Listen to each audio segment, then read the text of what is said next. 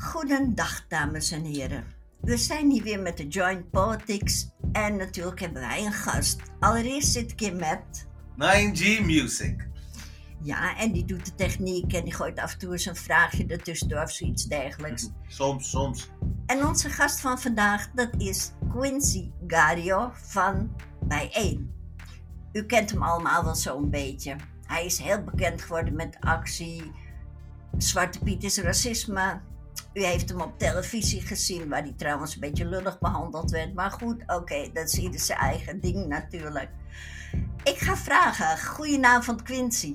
Goedenavond. Geweldig dat ik hier ehm, ja, mag aanschuiven. Ik ben echt gewoon fan. Ehm, al jaren volg ik het op Twitter. En dan uh, we zijn, we zijn mutuals op Twitter. En dan denk je van, ah, dit is wel echt cool. Ja. Leuk. Nou, wij vinden het heel fijn dat je bij ons bent. We vinden het een hele eer. En ik zou zeggen, Quincy, stel je even voor wie je bent en wat je doet. Nou, ik ben uh, dus Quincy Gario. Ik ben van huis uit um, spoken word dichter, performance dichter, um, beeldend kunstenaar en schrijver. Um, ik doe van alles. ik geef ook les en ik vind het ook wel leuk om evenementen te hosten en te presenteren. Dus ik heb heel lang ook een eigen radioprogramma gehad op Mart Radio in Amsterdam. En dat is vervolgens een, uh, een soort van tv-talkshow geworden. En daarna ben ik eigenlijk weer de schoolbanken weer ingegaan. Want ik dacht, oké, mm, mensen kennen me nu voor mijn. sorry, mensen kennen me nu voor mijn uh, t-shirt project, Zwarte Pieters Racisme. Maar ik wil ook meer dan dat doen. En ik wil ook blijven leren. Ik ben gewoon eeuwige student. En dus ben ik mijn master gaan halen um, aan de Koninklijke Academie Beeldende Kunst in Den Haag. En daarna ben ik naar Brussel gegaan voor een, uh, een jaartje om daar Advanced Performance en Sonography Studies te doen. Dus ik, ik, blijf gewoon doorleren. Mooi. En ik, hoor, ik heb ook hele leuke dingen van je gehoord. Ik heb gehoord bijvoorbeeld dat jij met een heel speciaal iemand nog wel eens optreedt. Ja, met mijn moeder. Kan je daar wat over vertellen? wat leuk zeg. Ja, ja, nee. Um, op een gegeven moment dacht ik bij mezelf: ik, ik duik allemaal archieven in en ik vind allemaal informatie over het koloniaal verleden. Maar er zijn ook archieven die we met ons meedragen. Verhalen die we van huis uit hebben meegekregen. En die we soms een beetje achterloos achterlaten. En dan niet doorhebben van wat voor waarde dat heeft. En ik weet nog, ik was bezig met een project um, omtrent de kaping van de eerste cruise ship in de wereld na de Tweede Wereldoorlog. En dat is gebeurd op Curaçao. En dat wist ik, maar mijn moeder die zei van ja, er is ook een muzieknummer die erover geschreven is. En toen dacht ik, hè? Wacht even. En ze zei van ja, ja, je moet even luisteren naar de muziek van Rudy Plater. En toen dacht ik, weet je wat? Mijn moeder moet ik niet alleen maar een soort van vraagbaken zien, maar ik moet, haar, ik moet haar gewoon naast mijn podium zetten. Ik moet niet namens haar praten, ik moet gewoon met haar praten en, en samen um, bepaalde dingen kunnen neerzetten. Dus nu hebben, um, we hebben een performance gedaan ook over de opstand op Curaçao in 1969. Um, 30 mei, 30 di mei. De Shell? ja, en zij was uh, toen 17 jaar. En uh, in de performance vertelt ze over die dag alsof ze weer daar is. Dus ze neemt ons letterlijk mee hoe het was om op het eiland te zijn op dat moment als 17-jarige uh, tiener. En wat we dan doen in die performance is, um, zij heeft ook een, een maquette gemaakt van de Shell-raffinaderij, van de verschillende oliedorpen op het eiland, van de verschillende winkels, van palmbomen, um, van de um, stad en hoe de stad meegenomen is als UNESCO Werelderfgoed. Weet je, dat soort uh, gekleurde huisjes. Dat heeft ze allemaal nagemaakt van sojapakken. En, um, en in de performance halen wij stuk voor stuk die, die soort van maquette. Uh, en plaatsen we het op een heel groot bord, wat we hebben, kartonnen bord. En we beginnen vanuit het huis van mijn opa en oma. Um, en van daaruit wordt het verhaal verteld van hoe het was om als kind uit huis te gaan. En vervolgens is er chaos. Vervolgens is er verzet, is er opstand, um, vechten mensen tegen Shell, is een soort van normale ehm, staking uitgelopen tot ehm, een, een, een complete aanval op de gevestigde orde en op het racisme en het koloniaal systeem op het eiland op dat moment. En het leuke van die performance is dat, of vind ik zelf, telkens als we het opvoeren, komt er wat nieuws bij. En het maakt het ook zo. Want het script is niet geschreven. Het wordt verteld aan de hand van welke delen van de maquette wij op dat moment op het uh, kartonnen bord plaatsen. En dan vertelt mijn moeder wat erover. En dan, wat ik dan doe, is ik zoom dan uit. En ik, ik heb het dan over de grotere um, sociale thema's, politieke thema's van op dat moment um, van Nederland. En ik probeer het ook te relateren met nu. En dan hebben we het zo over een soort van ecologische uh, destructie, dus milieuvervuiling. We hebben het over de fossiele industrie, over Shell. We hebben het over koloniale banden. We hebben het over de jaren 60. Dus ook, laten we zeggen, decolonisatiebewegingen in Afrika, in het Caribisch gebied. En hoe dat allemaal soort van samenkwam uh, op dat moment op 30 mei uh, op Curaçao. En dus Um, mijn moeder en ik op podium is altijd ook wel heel grappig. Want we proberen dan de performance in het Engels te doen. Maar natuurlijk vertelt ze me ook dingen in het papierment tussendoor. Dus dan is het ook soort van: hé, hey, maar je hebt de verkeerde gepakt. Je moet die andere pakken. En dat soort dingetjes. en het maakt het ook altijd heel tof. Ja, ja. Leuk. Nou, dus je hebt eigenlijk van huis uit toch al meegekregen wat je in jou draagt, een rechtvaardigheidsgevoel. En daar zit je nu mee in de politiek, of althans. Ja. ja. Je hoopt ermee in de Kamer te worden. Komen. Ja, ja nou, de, de Kamer is het doel eigenlijk niet. En misschien is dat ook een beetje een soort van gevaarlijk om te zeggen als kandidaat voor de Tweede Kamer.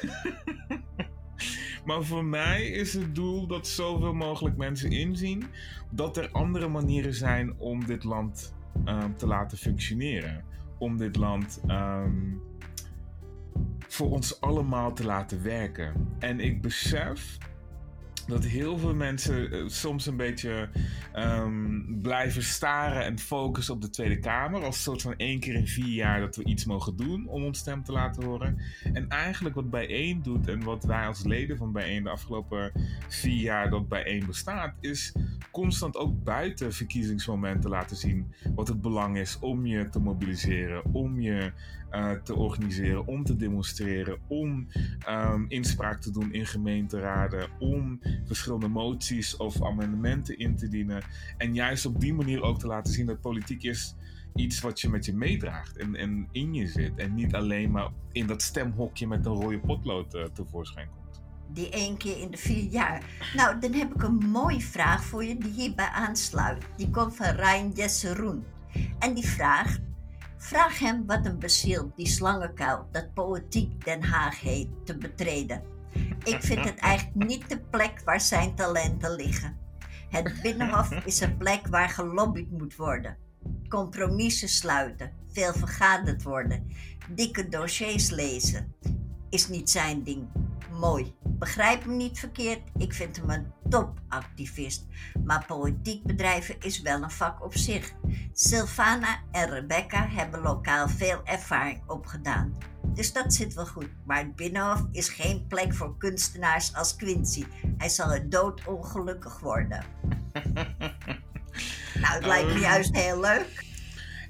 Ja, het lijkt mij ook juist heel leuk. Ook omdat um, in dossiers bijten doe ik ook als, als ik onderzoek doe voor mijn kunst. Dus dat, dat is sowieso niet echt een issue.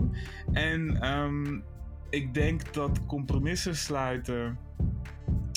Um, ik denk als je compromissen sluiten ziet als het doel van politiek, dan, dan let je niet heel goed op, denk ik omdat politiek heel vaak op dit moment gezien wordt als een bevestiging van de norm.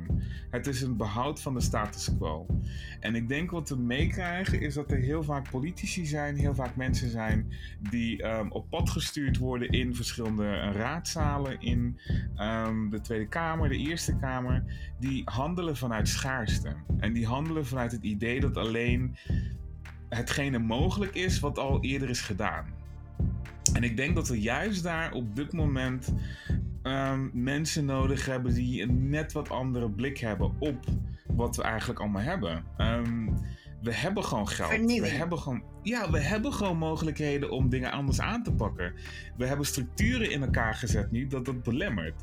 Dus het gaat erom dat je die structuren blijft ontmantelen.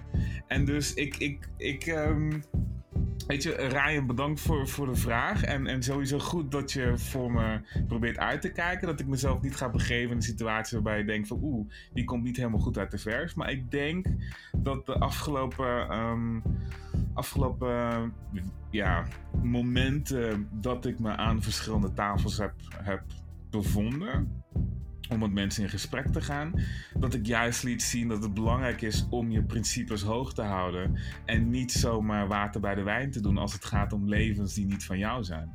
En ik denk dat wat we nu zien is dat politici heel vaak keuzes maken gebaseerd op levens die niet van hen zijn of niet van groepen uh, waar zij op lijken. En daar moeten we vanaf. Over het algemeen neemt men dus beslissingen vanwege de, blank, de witte man of vrouw. Ga, ga ik even bijna de fout in, joh. De witte man of vrouw van gemiddelde leeftijd. En er wordt niet verder gekeken ook naar mensen uit andere culturen. Of mensen uit andere klassen. Ik bedoel, als je, ja. als je kijkt naar hoe mensen nu reageren op de toeslagen. Uh, vrouw, de toeslagenaffaire. Als je kijkt naar de manier waarop mensen reageren op de inlichtingenbureaus. En, en dat mensen in de bijstand zo. Um, hun privacy zo geschonden wordt. omdat ze eventjes het moeilijk hebben. en eventjes wat steun van de staat nodig hebben. Dan denk ik bij mezelf dit zijn Tweede Kamerleden die hiervoor gekozen hebben. Dit zijn allemaal regels, dit zijn allemaal beleidstukken die mensen hebben gelezen en hebben gedacht van ja, dit is oké, dit vind ik goed om in te voeren. En dan denk ik van, maar wacht even. Um, dit, dit, gaat dus niet over jou. Want hoezo vind je het oké dat iemand van de gemeente bij iemand thuis binnenkomt en gaat tellen hoeveel onderbroeken er liggen? Die gaat tellen hoeveel tandenborstels er te vinden zijn. Dat is toch niet normaal? Like, ik, dat, dat we regels hebben dat ouders kinderen geen boodschappen kunnen geven, omdat het gezien wordt als on, hoe zeg je dat? oneigenlijke inkomsten. Like, wat is dit? Ja, met de sociale um, diensten, dus als ze een uitkering hebben. En dan denk ik bij mezelf, um, we hebben dus mensen die in de Tweede Kamer zitten, die allemaal beslissingen maken, allemaal repressief beleid invoeren, omdat zij weten dat zij er nooit mee te maken zullen krijgen. Omdat zij niemand kennen persoonlijk, omdat zij niemand kennen die dichtbij hen staan, die ooit in een situatie terecht is gekomen waarbij ze hulp nodig hadden van de overheid. Ja, dat kan niet. En ik zeg dit nu zo, en misschien klinkt het hard voor de politici die misschien nog zullen gaan volgen, maar ik denk tegelijkertijd ook, dit is wel hun verantwoordelijkheid. Je bent daar om de staat te controleren. En als je dit soort zaken niet controleert, dan hebben we een issue en dan moeten we juist voor verandering inzetten. En daar moet er ander bloed komen. Ik denk ook dat niet controleren en zo. Het is ze staan een beetje buiten de maatschappij. Ze leven in een bubbel, een Haagse bubbel. En net wat jij zegt, het overkomt hun niet. Maar Precies. aan de andere kant is het natuurlijk wel een schandaal dat een land als Nederland, dat dit gebeurt gewoon. Maar ook hoe men ja. omgaat bijvoorbeeld met jongelui met waaien, invalide jongelui. Ja. He, ja. dat, dat, dat is gewoon schandalig. En daar uh, zetten jullie je ook voor in. Ja, ja ik, ik, ik, ik, kan, ik kan niet begrijpen hoe het mogelijk is dat er nu beleid wordt gevoerd waarbij mensen die in de waaijong zitten onder het minimuminkomen uitkomen. Like, wat is dat? Ik kan met mijn hoofd er niet bij dat ook jongeren die werken onder 21 minder verdienen dan mensen die daarboven zitten. Waarom hebben we dit beleid? Waar is dit voor nodig? Mensen horen uh, um, loon naar werk te krijgen, ongeacht hun leeftijd. Dus ook dat soort beleid, dan denk ik van, er zitten partijen die om de vier jaar Um, of om de, om de zoveel tijd, wanneer er weer een verkiezing is, die dan bij mensen rondgaan en zeggen van wij gaan voor je zorgen. En dan denk ik van, maar dat heb je tot nu toe niet gedaan. Um, tot nu toe heb je gewoon een beetje aangekeken, niet eens lawaai gemaakt, niet eens moties ingediend. Er moet een manier zijn, zelfs als je niet Um, zelfs als je niet in, in het kabinet zit of in een college zit, om dingen aan te kaarten waardoor mensen opstaan en zeggen van dit pikken we niet. En dat missen we nog te veel. En bijeen is bij uitstek de partij die dat wel gaat doen. Ik zat erover na te denken. Ik kreeg die vraag gesteld over in het hele politiek gegooid worden. Maar was het eigenlijk niet op het punt dat jij dat t-shirt maakte, dat jij eigenlijk al een, een, een politiek figuur werd bekroond al, van links tot aan rechtse eh, kanten. Dus eigenlijk zit je daar een aantal jaren eigenlijk al in. Eh, je doet eigenlijk, je, bent eigenlijk zelf met het project dan, wat ik nu benoem, Zwarte Piet is racisme, zelf uh, gestopt. Het was geslaagd.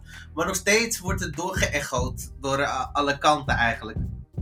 Precies. En ik denk de manier waarop een project zoals dat door kan blijven echoen, is omdat heel veel mensen zoiets hebben van: daar kan ik me in vinden. Hiervoor, ik wil vechten, hier, hiervoor wil ik vechten. Hiervoor ga ik me inzetten. En um, um, het mooie ervan is dat je ziet is dat dat eigenlijk hetgene is wat politiek eigenlijk zou moeten doen met mensen. Dat ze zoiets hebben van: ik heb jou eigenlijk niet nodig om dit te doen, want ik vind het ook. Dus ik ga het gewoon verder voortzetten. En dan denk ik van dat is de kracht van wat een, een partij als Bijeen eigenlijk doet. We hebben nu tijdens deze campagneperiode zoveel verschillende mensen op zien staan en zeggen van weet je wat, um, we hebben nog geen afdeling hier in onze stad, in onze um, provincie of onze regio. Wij gaan het gewoon zelf doen. En dan denk ik van yes, dat is hem. Um, daar, daar gaat het eigenlijk om. Dat je inziet dat je inspraak hebt, dat je inziet dat jij dingen kan organiseren, dat je inziet dat de samenleving nog steeds maakbaar is. Het is nog niet af. Want op het moment dat het af is, dan hebben we het allemaal gewoon beter. Dan hebben we niet twee keer zoveel dakloosheid als tien jaar geleden. Dan hebben we niet mensen die in de armoede zitten. Dan hebben we niet een, een, een milieu dat vervuild wordt. En, en bedrijven die gewoon belasting uh, allemaal deals en ontwijking mogen doen, terwijl ze de rest van de, van de wereld een beetje um, kapot maken. Dus het is nog steeds te maken, te fixen. Um, wij hebben hoop dat niks echt vastgeroest zit. Um, we moeten gewoon een beetje langskomen met zo'n een, spraytje WD-40. En even die schroeven weer even anders inzetten. Ontmantel die zooi en zet het opnieuw anders in elkaar. Nou, al krijg je mensen maar zover dat jullie zijn de spokesman dan. Maar dat mensen zelf ook opstaan en zeggen van nu. Nu is het onze beurt. Wij kunnen, wij mogen en wij willen dat ze zelf ook opstaan en met jullie meegaan. Ja, maar ik, ik denk, maar dat is dus ook het grappige. Um, wat we afgelopen jaar voornamelijk ook hebben gezien met al die Black Lives Matter demonstraties. Ik bedoel, die van 1 juni op de Dam. De organisatie zei zelf dat ze iets van 250 mensen verwachten. En vervolgens staan er, wat, 10.000 man op de Dam. Um, vervolgens is de politiek hot de botel, omdat zogenaamd uh, voor de zorgmedewerkers is het een doorn in het oog. Ja, Dezelfde ja. zorgmedewerkers waar politici de Kamer uit vluchten voordat ze hen een, een loonsverhoging konden geven. Wel klap van, hoor. Dat is echt een klap, maar dan denk ik van wat zien we hier? Dit zijn mensen die aangeven van nu basta, nu klaar. Nu willen we wat anders, nu laten we van ons horen. Het is zaak om ervoor te zorgen dat zo'n mobilisatie van mensen niet, um, niet een apolitieke gebeurtenis wordt. En ik denk dat dat hetgene is waar bijeen zo goed in is. Om aan te tonen van, hé, hey, je staat nu op tegen racistisch politiegeweld. Perfect. Stem dan niet op partijen die de geweldsinstructie van politieagenten proberen uit te breiden. Stem dan niet op partijen die de sociale advocatuur um, kapot maken, waardoor mensen die te maken krijgen met de politie en een kleine beurs hebben, geen goede rechtsbijstand kunnen hebben. Stem dan niet op partijen die in, in, in risicoprofielen nog steeds etniciteit en nationaliteit meenemen. Dan maak je het een, een apolitiek gebeuren waarbij iedereen een zwart vlakje op Instagram kan zetten en iedereen zogenaamd kan doen alsof het hen wat aangaat, terwijl ze eigenlijk in de Kamer totaal iets anders aan het stemmen zijn.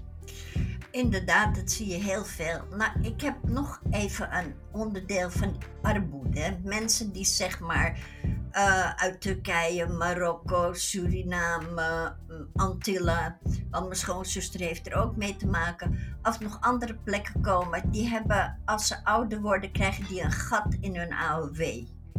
En dan krijgen ze een kleine bijuitkering van de overheid, wat dan iets is waarvoor je op je knieën moet, want, hè, dank u wel. Hmm. Maar hmm. bovendien, als die mensen ziek worden, of als die mensen nog in huis wonende kinderen hebben, worden ze daarop gekort. De zogenaamde ja. kostendelersnorm. Dat Ja. stond ook in jullie programma, dat die afgeschaft moet worden. Ja, die willen we schrappen. Maar dat, maar, dat lijkt, maar dat is dus ook het hele gebeuren. Want sommige mensen kijken naar ons partijprogramma en die hebben zoiets van: ja, wat jullie willen is niet realistisch. En dan denk ik maar. De samenleving is op dit moment onrealistisch ingezet. Ja. Onrealistisch gestructureerd. Omdat mensen gewoon in de kou worden gelaten. Omdat mensen gewoon ehm, nog steeds te maken met xenofobie op beleidsniveau. Op, op, op structureel niveau. Dat, die AOW-gat. Ik heb het een beetje uitgezocht, hè? Want nu komt het weer naar voren. Maar er is al in 2008 werd er al hierover aan de, aan de deur geklopt. Toen de tijd was ehm eh, Abu dus burgemeester Abu Talib, die nu burgemeester Rotterdam is, die was toen staatssecretaris voor ehm, sociale zaken.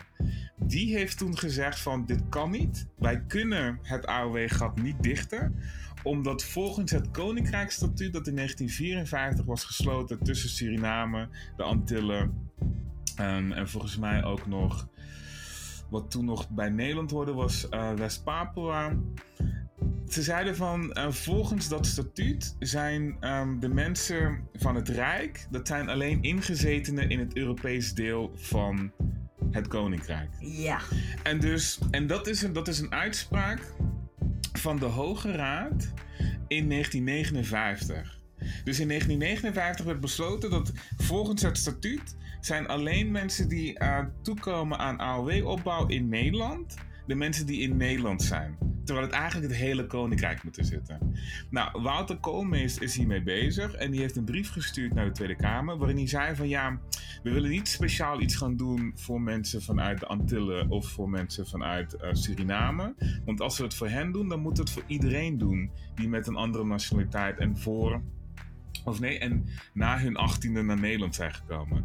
Wat is dit? Dit is gewoon xenofobie op basis van. Op, ba- op basis van het idee dat er niet genoeg geld zou zijn, of dat niet iedereen aanspraak zou moeten maken of kunnen maken op een goede dagvoorziening, op een goede manier om, om hun laatste jaren door te brengen. Dan denk ik van waar hebben we het over? Ehm, ehm, Shell, Unilever, ehm, Starbucks, al die grote bedrijven krijgen allemaal deals om miljarden eigenlijk min of meer weg te sluizen. Nederland is een belastingparadijs. De bedrijven die, die sluizen allemaal geld weg van over de hele wereld via ons land. En dan vervolgens gaan we zo krenterig lopen doen over de oude dagvoorziening van, van een paar mensen die misschien niet hier geboren zijn. Wat is dit? En niet eens dat. Als je het hebt over Suriname specifiek, dat zijn mensen die geboren zijn binnen het koninkrijk. Dus op het moment dat zij op het moment dat zij naar Nederland kwamen, waren zij gewoon Nederlands staatsburger en daarvoor ook. Dat de Raad van State in 1959 een verkeerde beslissing heeft gemaakt, moet, moet, moet er nu toe leiden dat mensen gewoon eh, kleur bekennen en zich uitspreken en zeggen van dat was een politiek besluit gebaseerd op koloniale gedachtegoed en dat hoort niet meer. Dus wij gaan de fout van toen herstellen en corrigeren. En mensen krijgen gewoon een oude dagvoorziening. Die hoeven zich niet meer te stressen voor, voor ehm, na hun 65ste hoe ze gaan leven. Die hoeven niet meer allemaal eh, ehm, neerbuigende ambtenaren eh, moeten spreken. Allemaal papieren rassen en, en, en, en eh, administratie en rompslomp eh, doorgaan. Terwijl ze juist op dat moment na een hard leven van werken eigenlijk gewoon willen chillen. ja. Ik bedoel, waarom gunnen ze die mensen gewoon die chillruimte niet? Dat, is, dat, dat slaat toch nergens op? Nou, het is zelfs het nu net iets te... Nee, nee, prima. Maar het is zelfs nog erger. Want ze willen dan mensen niet een volledige AOW geven. Maar dan geven ze een bijuitkering, AIO. En dat komt dan weer uit een ander potje. Dus dan, ja, het is lood om oud ijzer. Maar dan zijn die mensen wel, hebben weer verplichtingen. Zoals de een die mag zoveel weken op vakantie en de ander dan weer niet. En allemaal. Ja, het Dus het is kost duurder uiteindelijk. in Het is principe wel. Uiteindelijk. het hele Ja, je, je, je levert je autonomie in. Ja. En zogenaamd moet je dan blij zijn omdat je alsnog wat hebt gekregen. We moeten af van die dankbaarheidscultuur. De overheid werkt voor ons, niet andersom. Ja, maar En heel dat vaak vergeten hoor- mensen. dat, nou, dat vergeten die ambtenaren soms. En dat vergeten die beleidsmakers. En dat vergeten die ministers en die staatssecretarissen. En wat je krijgt ook, en, en dat zien we in de kunstsector ook dat sommige mensen dan zeggen van ja, je moet blij zijn dat je geld krijgt van de overheid. Ik heb zoiets van, maar dat is toch ons geld? Waar, waar hebben we het over? Ja, nee, maar zwaar, dat wordt bij ons opgebracht. Vind je ook bijvoorbeeld, en nu kom je uit de kunsten, Nanji zit er ook in, dat er eigenlijk niet gewoon een bepaald inkomen zou moeten zijn voor kunstenaars. Een soort bodeminkomen. En dan heb ik het niet over sociaal dienst, waarbij je, of hoe heet dat, eh, DWI, waarbij je bepaalde dingen moet doen, maar gewoon om jezelf te onderhouden. Klaar. Geen solliciteren, ga aan de gang met je kunst. Precies. Nou, in ons programma pleiten we ook voor een terugkeer van de wet werk en inkomen voor kunstenaars. En wij pleiten dus richting een Fair Practice Code die eigenlijk al bestaat en gewoon gehandhaafd moet worden. Ehm, het kan niet zo zijn dat we nog steeds te maken hebben met kunstenaars, muzikanten, ehm, mensen die op podium staan, die verteld worden van hé, hey, je doet het voor exposure. Like, nee. Exposure betaalt mijn huur niet. Nee, exact. exact. en dus dan. En dat, en dat zie je tegelijkertijd ook in de houding die de overheid heeft richting kunstenaars en richting mensen in de cultuursector. Want die hebben zoiets van: ja, uh, we snappen jullie waarden niet zo goed. Uh, jullie moeten functioneren voor wat wij willen. Uh, en die zien ons alleen maar als een Trojaanse paard om hun eigen ideologieën voor te zetten op verschillende manieren. En wij hebben zoiets van: nee dit is van waarde. Juist nu tijdens de pandemie hebben we gezien hoeveel kunst um, mensen er doorheen heeft gesleept.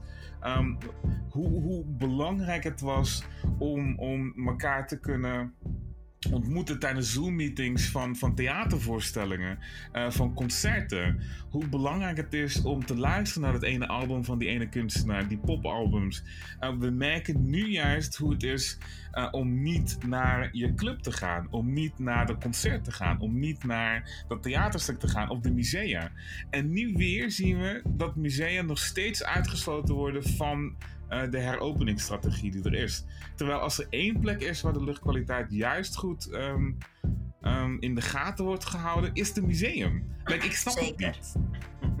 het is allemaal een soort van compleet andersom dan het zou moeten zijn. En dan moeten wij dan niet al te kritisch zijn. Want als we te kritisch zijn, dan wordt er rancuneus op ons afgereageerd. En dan krijgen we minder geld. En dan moeten we te horen krijgen van ja, maar je moet niet zo, je moet dankbaar blijven. Like, nee.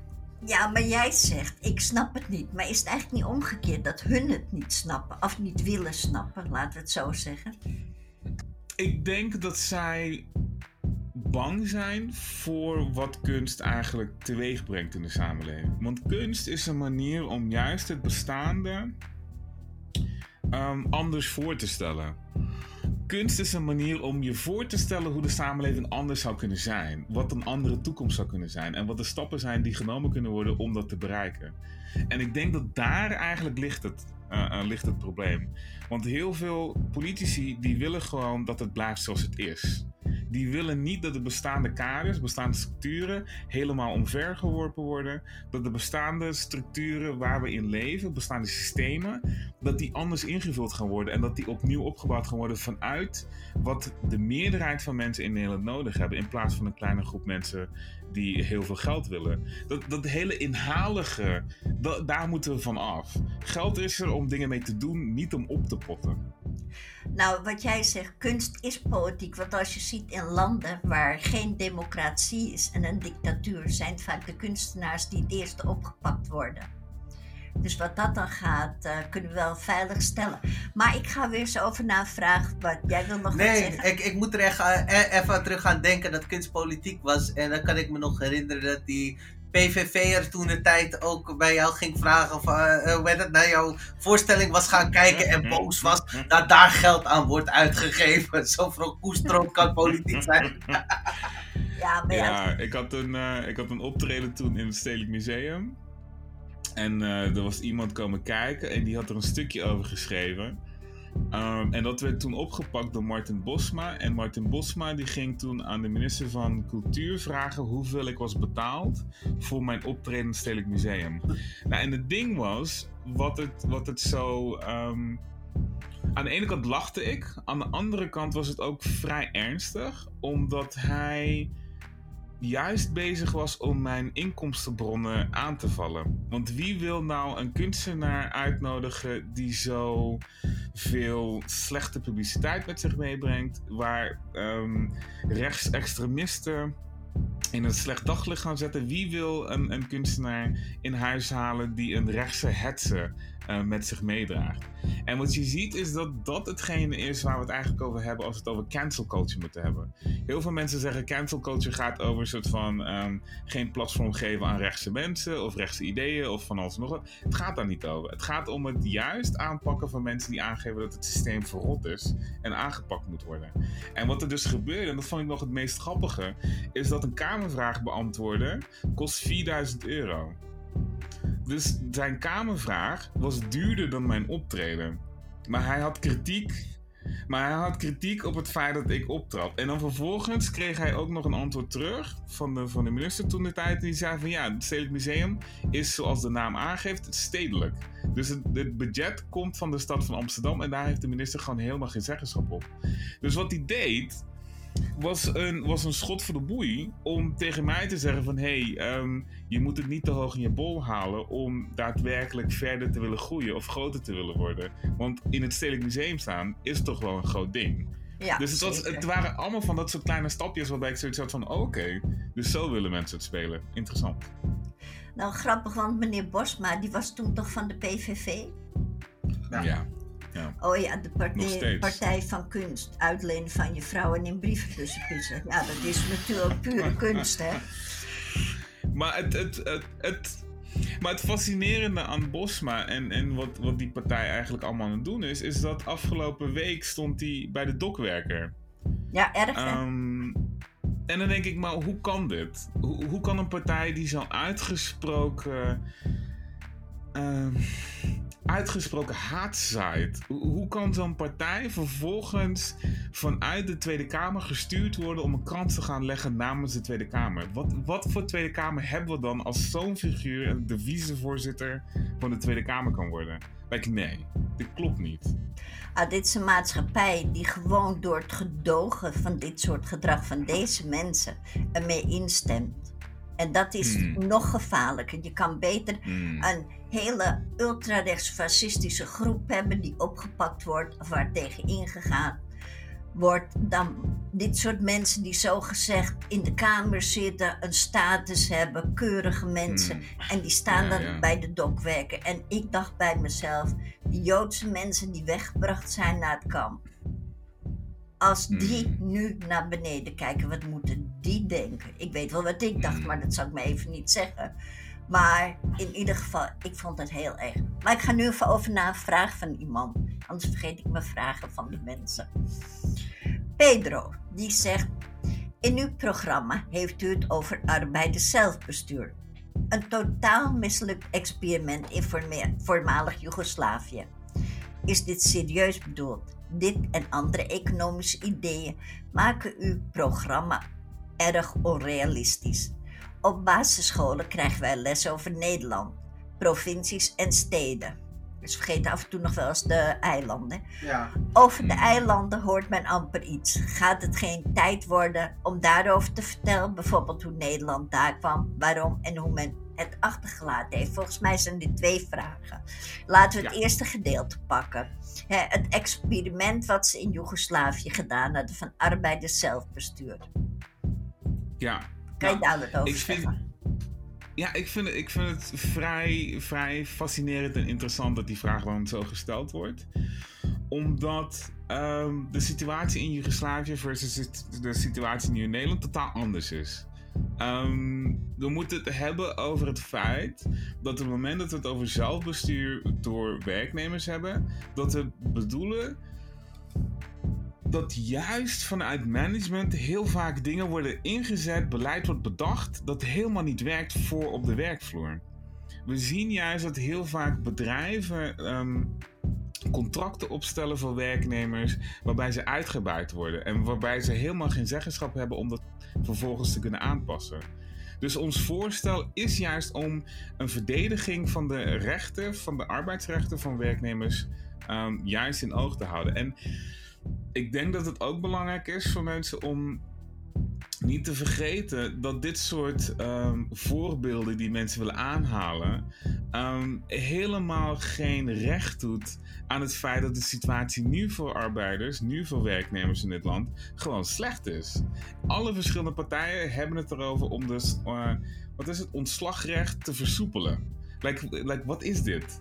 We hebben al te maken met nul-uren-contracten. We hebben al te maken met flexwerkers die um, vervolgens ingezet worden of niet ingezet worden. We hebben nu al te maken tijdens de pandemie met, met uh, um, uh, bezorgers van eten die gewoon niet goed behandeld worden, die helemaal uitgebuit worden. Waren, ja. En dan vervolgens krijgen wij een vraag van ja, maar het is mislukt in Joegoslavië. Nou, dit is niet Joegoslavië. Nou, we kunnen beter dan dat. We kunnen, we, kunnen, we kunnen naar de situatie die we nu hebben, 2021, kijken. En we kunnen zien dat er bedrijven zijn die hun werknemers uitbuiten. En we zien dat werknemers in de bedrijfsvoering veel meer zeggenschap zouden moeten krijgen.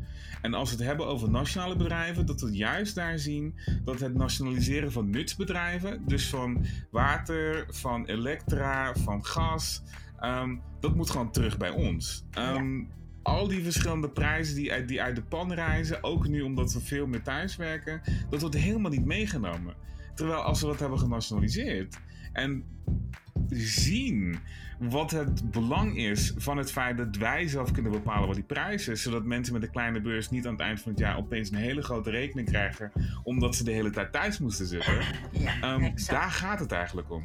En dat, dat, dat vergeten mensen. Omdat ze zogenaamd een uh, ideologie hebben opgenomen dat de, de, de, overheid klein moet zijn. En dat um, het helemaal niet goed is om bepaalde dingen echt gewoon van ons te hebben. Publiek bezit te hebben. Um, en ik denk we moeten daar weer gewoon naar terug. We moeten terug naar de commons. Om, om een internationaal begrip maar eens uh, erin Vooral met zorgverzekeringen neem ik aan. Want dat is dus wel vreselijk. Precies. Nee, en Precies. dat de kinderen in armoede leven. Dat is gewoon schandalig in een rijk land als Nederland. Dat zou gewoon niet Precies. mogen. Maar goed, Precies. gaan we over naar het tweede gedeelte van zijn vraag. Even kijken hoor. De basisscholen Ja, en volgens- krijgen les over Nederland. Ja. Je weet Vol- volgens nog? mij is dat gewoon ja.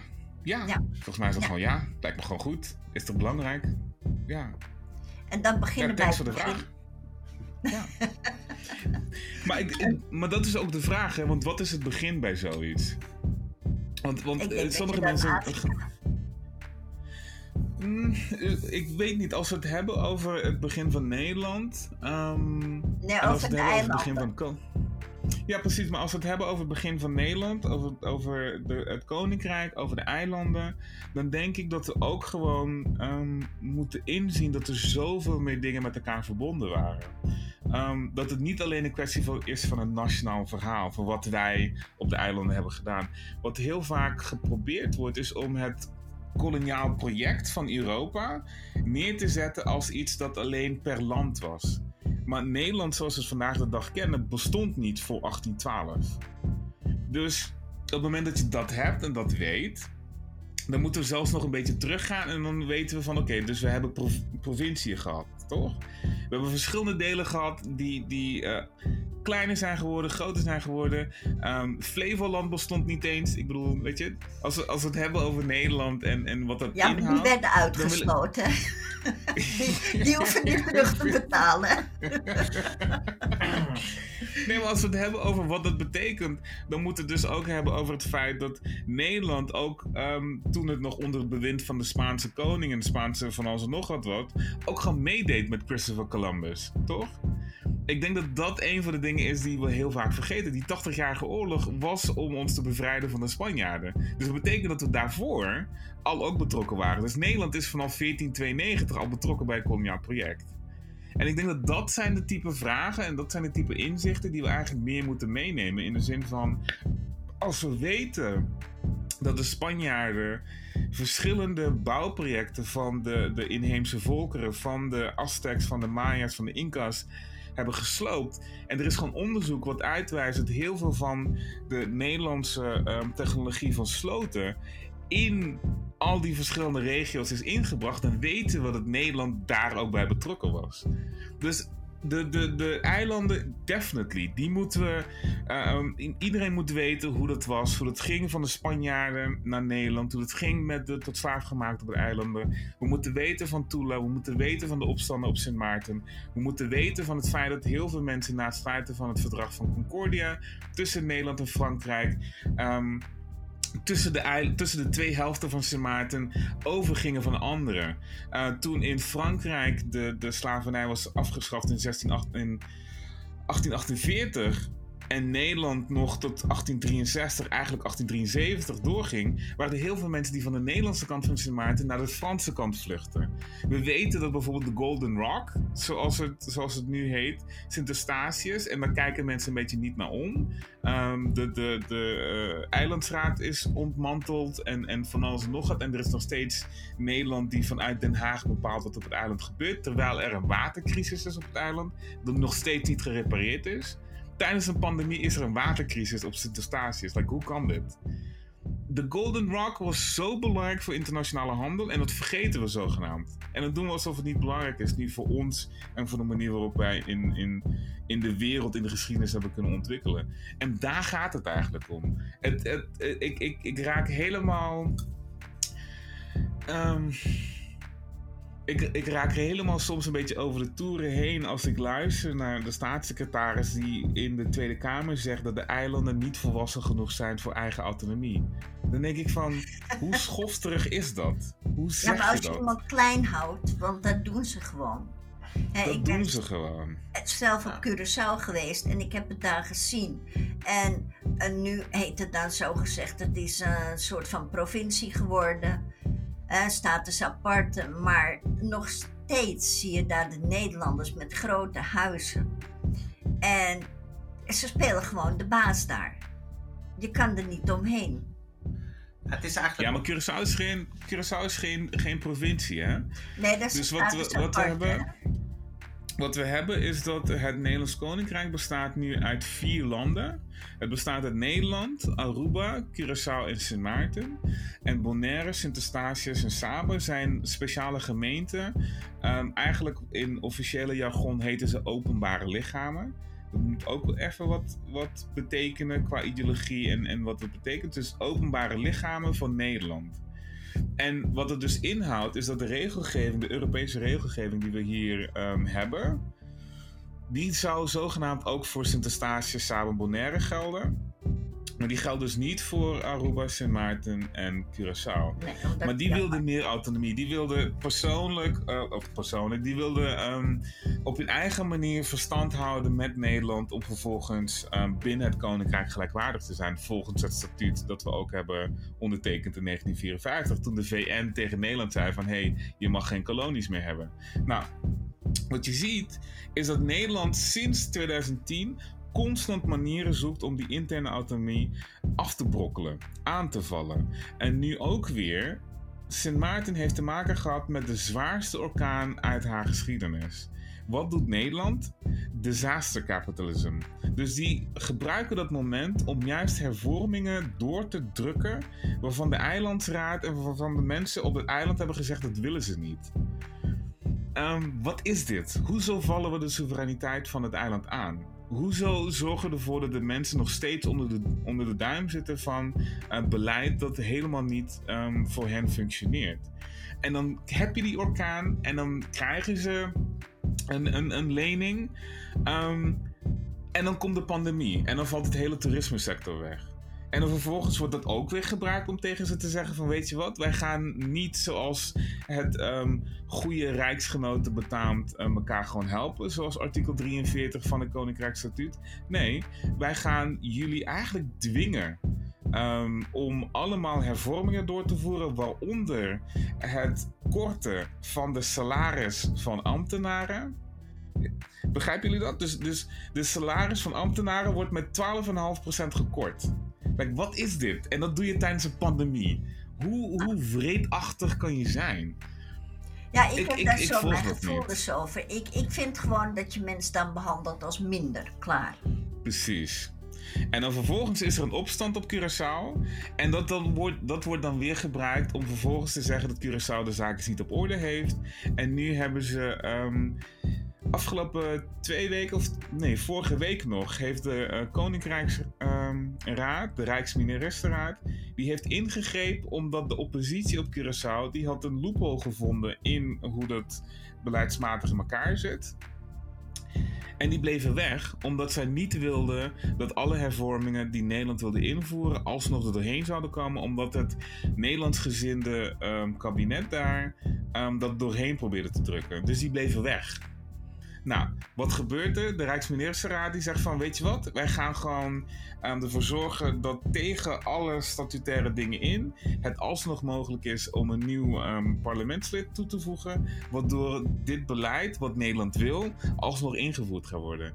Terwijl volgens de officiële regels daar kan het helemaal niet. Dus je ziet dat aan alle kanten wordt er tegen iedereen gezegd van regels zijn regels, behalve als Nederland iets wil. Het is gewoon nog heer en meester, sorry. Dit is gewoon zoiets van wij, wij, wij maken de wet uit. Dit vind ik gewoon uh, een geval van uh, wat ik zelf ook gezien heb op de eilanden, toch wel.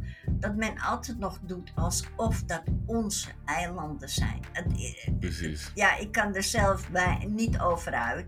Ik ga er ook verder niet over zeggen, maar jij weet Nou ja, wat, wat, ik wel, wat ik wel kan toevoegen, eigenlijk, Quincy, jij zei ook dat het in Europees verband uh, een ding was. En als je kijkt hoe uh, Frankrijk met Haiti omgaat, dan, Hmm. dan zouden we eigenlijk ook kunnen zeggen dat uh, Frankrijk nog niet volwassen genoeg is om zelfstandig te zijn. Want ze ontvangen ook nog steeds financiën Hmm. van Hmm.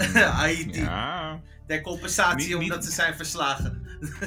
Eh, Niet, niet eens Haiti, hè. Gewoon wat er nog steeds gaande is met Francofoon Afrika is gewoon een schande. Klopt. Ehm, en ik denk dat heel veel mensen gewoon nog steeds niet doorhebben hoeveel geld die landen nog steeds aan Frankrijk betalen. Ja, Ehm, wa- wat er gaande is daar. En dan vervolgens heb je Macron en die zegt het is, eh, wat, was, wat zei hij nou laatst? Het is te vroeg om excuses aan te bieden of zoiets. En toen dacht ik echt helemaal van, gast, wat is dit? ja maar het is net als hier, hè? En, en, maar het, ding wat mij dan altijd zo fascineert is dat we het dan hebben over een soort van beschaving. En, en dat dit beschaafde landen zijn, zogenaamd. Wa- Waar zit die beschaving in? Waar, waar, waar moet ik dat in terugvinden? Want in deze houding, in, dit, in wat er gezegd wordt, in, in de manier waarop er gehandeld wordt met de rest van de wereld, is dat er niet. En als we het hebben over ontwikkeling en als we het hebben over ontwikkelingssamenwerking, dan zie je tegelijkertijd ook dat er heel veel politieke partijen zijn die zeggen van ja, dat is belangrijk, dat is belangrijk, maar die zien het in functie van handel. Dus die willen wel eh, landen helpen die voormalig gekoloniseerd zijn, die ze helemaal leeggeroofd hebben, waar ze de, de grondstoffen van gestolen hebben, bij wijze van spreken. Mensen hebben geknecht. Ehm, en dan zeggen ze, ja, we, we gaan jullie wel helpen, maar dan moet je je hele markt openstellen voor onze bedrijven. En Lekker dan vervolgens, wat doen die bedrijven?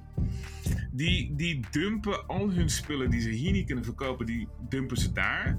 Waardoor de ondernemers daar niet hun geld kunnen maken, niet hun brood kunnen maken. Dus het is, wat is dat voor ontwikkelingssamenwerking? Wat voor samenwerking is dat als alleen jij beter wordt van wat je aan het doen bent? Ja, dat is net zo goed als dat er bedrijven zijn. Er was iemand die had een of ander bedrijf met ballonnen. En die ging dan in Afrika ging hij een luchtvaartballonnen. en daar ging hij trips mee doen. En dan kreeg hij kreeg geld van hier, de overheid, omdat hij dan zou helpen bij de ontwikkeling. Nou, het is toch te gek voor woorden, hè? Is, is, eh, dat, dat, dat werkt niet. Je kan niet beter worden van hulp van een ander. Punt. Nou, dan het is het geen hulp meer. Het werkt niet voor jou, het werkt niet voor mij. Maar voor een heleboel mensen werkt het heel erg goed, want men verdient er Ja. gewoon aan. En Ja. men gebruikt die landen, de armoede in andere landen, heel vaak als een verdienmodel. Klaar. En, maar, maar dat is hem dus ook. En, en dat is niet alleen de armoede in andere landen, maar ook de armoede hier. Ja, Ehm, de armoede-industrie hier in Nederland is, is gigantisch. En mensen vergeten dat. Hoe duur het is om eigenlijk arm te zijn. Ehm, hoeveel kosten, hoeveel boetes, hoeveel aanmaningen. Hoe dat allemaal ja. optelt. En het is allemaal ook economie. Het is een schuldeneconomie die we hebben opgebouwd hier. En dat moet ook gewoon weg. Ehm, in ons programma stellen we ook voor dat alle incassobureaus ook eh, gewoon verdwijnen. Want dat, dat hoort niet. exact. Quincy, we zijn er doorheen voor vandaag. Oh, We, we, hebben maar twee vragen beantwoord, sorry. Voor de, nee, voor de... nee, nee, er waren heel veel vragen, maar die zijn allemaal in het verhaal terechtgekomen. Dus ja, het is echt een verhaal geworden. Ja, dat vond ik ook echt mooi. En uh, ik hoop dat je nog een keer bij ons terug wilt komen, dat we nog Sowieso. wat op de onderwerpen door kunnen gaan. Ja, en ja. Ik, ik vind het heel erg fijn dat je bij ons was. Ik wil je ook heel erg daarvoor bedanken. En als ik ook nog uh, één ding aan mag toevoegen. Uh, mijn podcast is uh, hoofdzakelijk gefocust op cultuur. Dus als jij een nieuw iets ook qua kunst hebt te melden, stuur even een voice memo. Dan verwerk ik het in mijn podcast. Tof, tof. Gaan we doen. Ja, ja. Dames en heren, dit was Quincy Cario, nummer 2 op de lijst van Bijeen. Een bevlogen mens, een kunstenaar en een politicus. Heeft u nog geen keuze gemaakt? Luister naar deze podcast en wie weet, want eindelijk moet er eens verandering komen. Het is tijd om nu nieuw bloed in de Tweede Kamer te krijgen. Dus ik vraag u, stem lekker op Bijeen. Goedenavond.